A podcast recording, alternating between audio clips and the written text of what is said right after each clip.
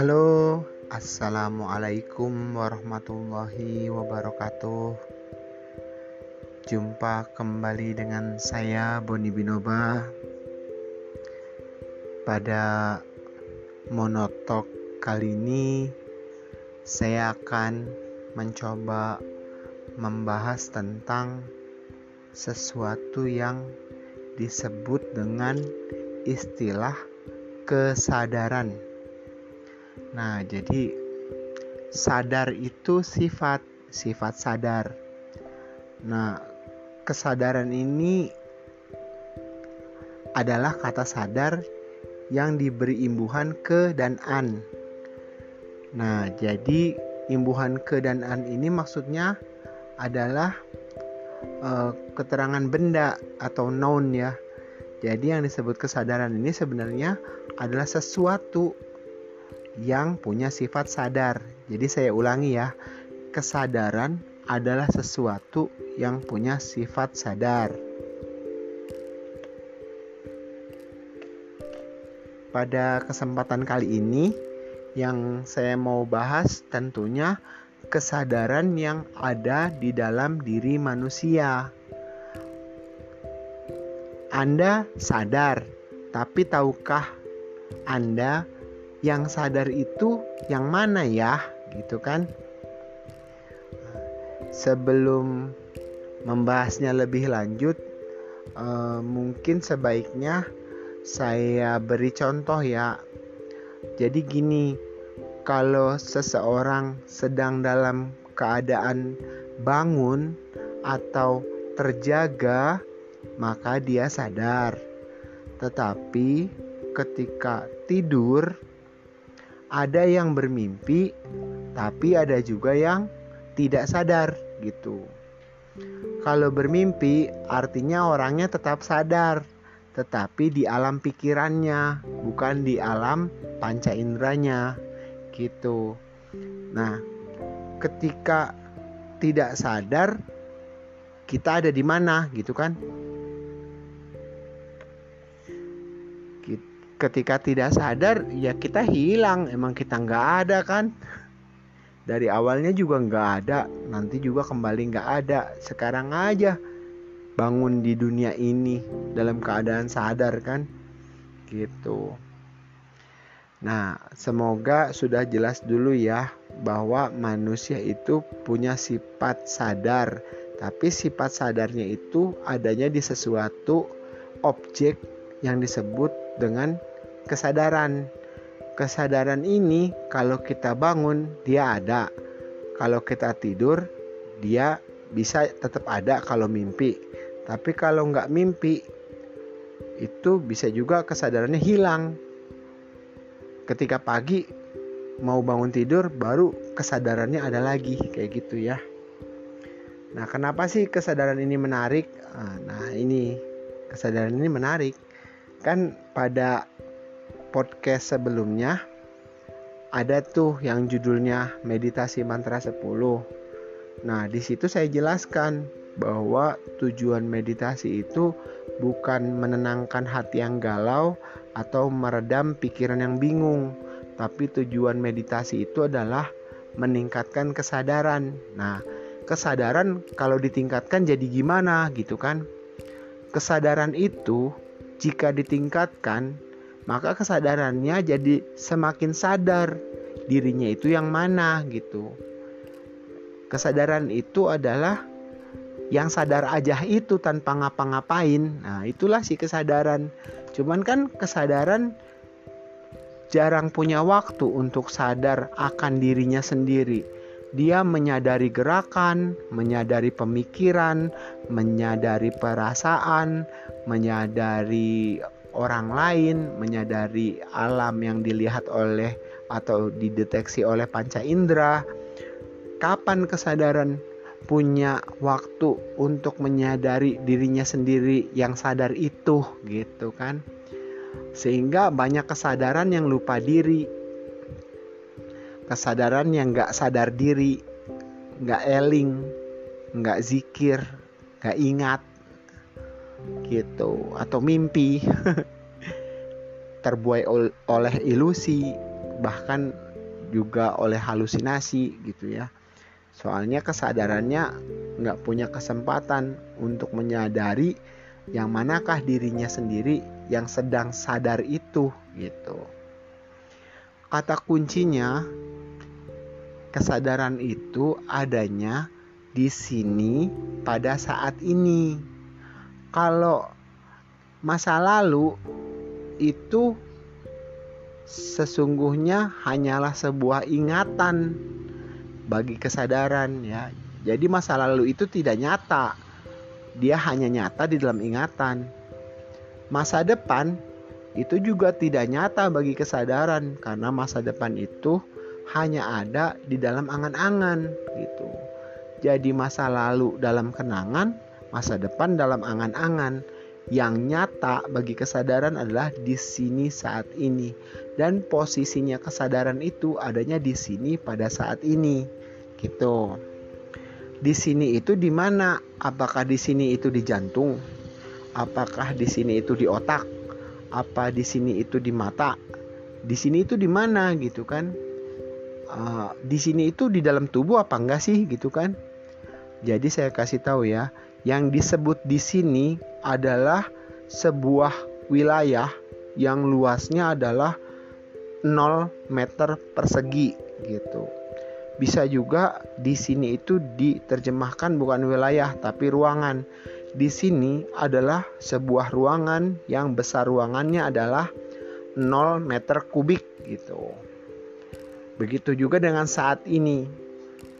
Saat ini itu lamanya berapa lama gitu. Saat ini adalah suatu rentang waktu yang lamanya adalah selama 0 detik.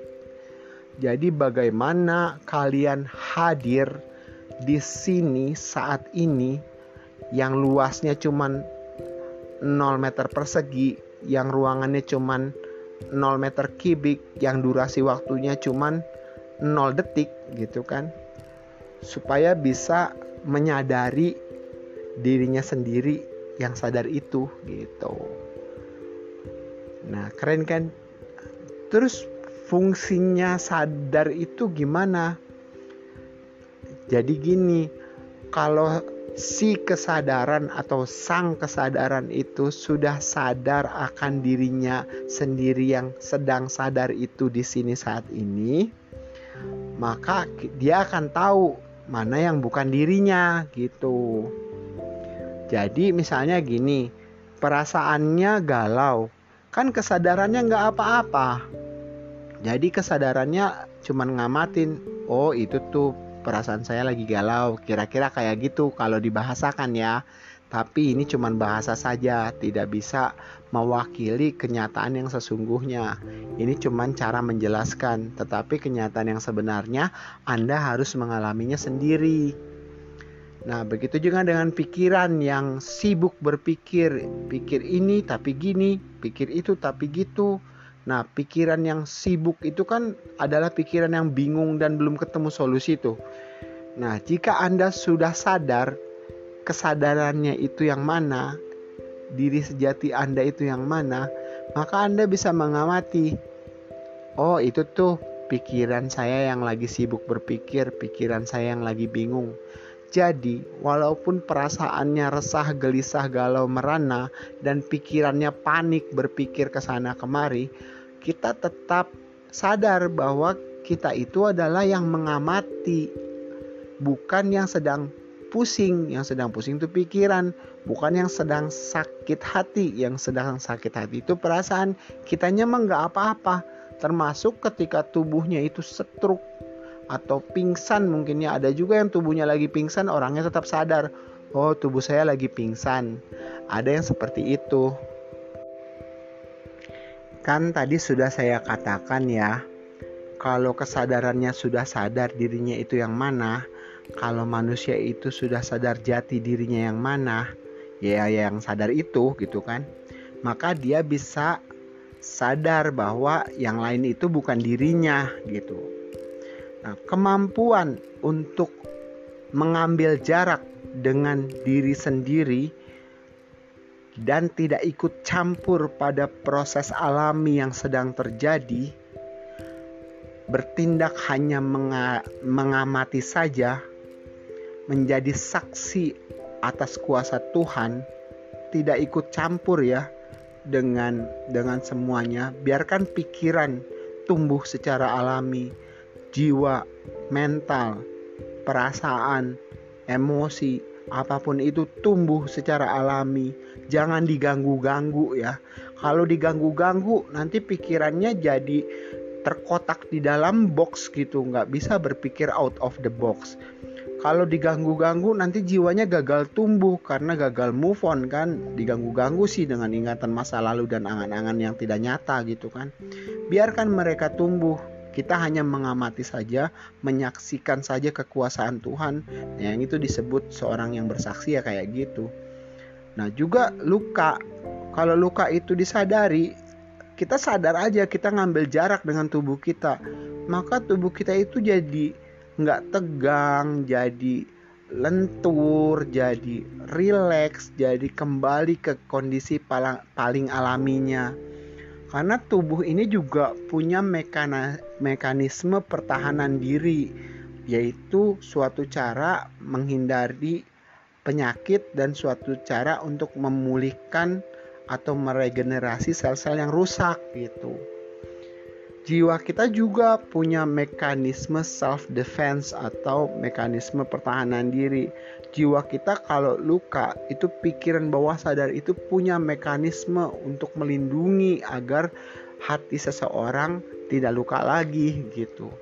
Makanya kalau segala sesuatu itu dibiarkan secara alami kita akan menyaksikan segala sesuatu ajaib ya um, penyakit cepat sembuh sakit hati cepat sembuh sakit pikiran atau salah berpikir atau salah paham juga cepat sadar cepat sembuh gitu kan. Soalnya segala sesuatu di diri kita baik tubuh perasaan perasaan itu maksudnya kayak pikiran sadar gitu ya.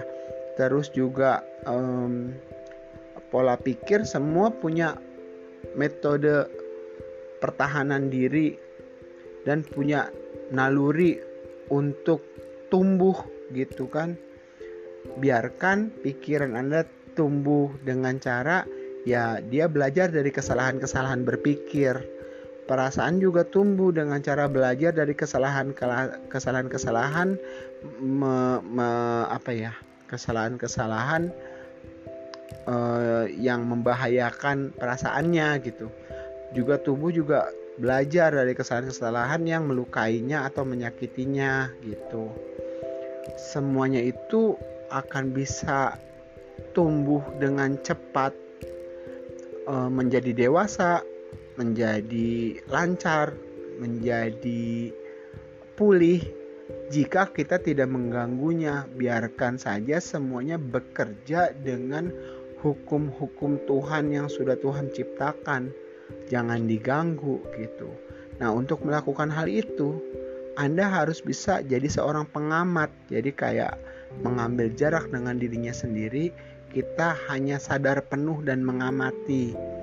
Hal ini tidak mudah karena bagi orang normal, dia itu merasa dirinya yang berpikir, merasanya dirinya yang sakit hati, merasa dirinya yang gemuk, merasa dirinya yang cantik, yang merasa-merasa doang sih aslinya yang mana gitu kan. Nah itu hanya bisa disadari. Jadi fungsi dari sadarnya sang kesadaran akan dirinya sendiri yang sedang sadar itu yang pertama adalah dia akan sadar juga yang yang mana yang bukan dirinya gitu. Kedua dia itu akan bisa mengamati. Jadi hidup sebagai hanya sebagai pengamat ya pengamat betapa canggihnya si pikiran, betapa hebatnya sang perasaan, betapa uh, sempurnanya tubuh fisik, betapa indahnya alam semesta.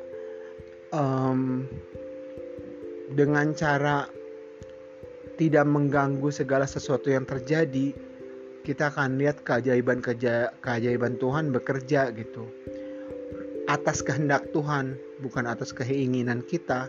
Segala sesuatu itu punya rumus matematika yang sebenarnya rumusnya nggak rumit-rumit amat.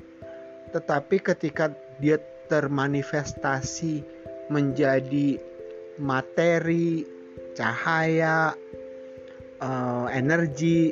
Jadi kelihatannya rumit padahal dia menggunakan satu rumus yang sama yaitu rumus keseimbangan. Segala sesuatunya bergerak menuju keseimbangan gitu. Um, apalagi ya yang penting dari kesadaran ini? Oh iya, jika Anda adalah orang yang secara tidak sengaja pernah sadar, pernah sadar dirinya yang mana, pernah jadi pengamat, mengamati pikiran, ucapan, per, perbuatan, mengamati perasaan, uh, itu pun tidak mudah untuk menjaga kesadaran agar selalu sadar, selalu eling, selalu waspada, selalu ingat, selalu jikir. Uh, yang sering terjadi adalah akan ada makhluk-makhluk getaran rendah yang mempengaruhi emosi Anda supaya Anda kembali melekatkan diri. Saya adalah perasaan saya. Jika perasaan saya sakit, saya sakit juga gitu. Dan juga akan ada yang kubu lain ya, makhluk-makhluk getaran tinggi tapi yang negatif, yang black dia akan memanipulasi mindset Anda kayak brainwash gitu. Jadi ketika Anda lagi mengamati pikiran, uh, pikirannya menemukan hal-hal bagus, hal-hal canggih, terus Anda mengakui inilah buah pemikiran saya, inilah hasil berpikir saya, pikiran saya ini pintar, maka saya juga pintar. Ya enggak, pikiran kamu pintar, kamunya kan pengamat aja gitu. Kalau kamu merasa kamu pintar, berarti kamu sudah melekat pada pikiran. Atau kamu merasa kamu ganteng, cantik, ya kamu udah melekat pada badan kamu, nggak mengambil jarak, nggak jadi pengamat lagi gitu. Nah, biarlah semua pujian itu hanya milik Tuhan. Sedangkan kita itu sadar posisinya hanya hamba, hanya seorang saksi gitu. Saksi yang hadir di dunia ini dengan satu tujuan menyaksikan Tuhan gitu ya sekilas tentang kesadaran seperti itu dulu um, mungkin ada ya yang uh, minta analogi uh, supaya lebih memahami uh, filosofi atau konsep tentang kesadaran ini Ya, baiklah. Saya coba menghadirkan analoginya ya. Coba simak ya dengan seksama. Kegelapan adalah tanpa cahaya, tapi kegelapan adalah tempat bagi semua cahaya yang ada.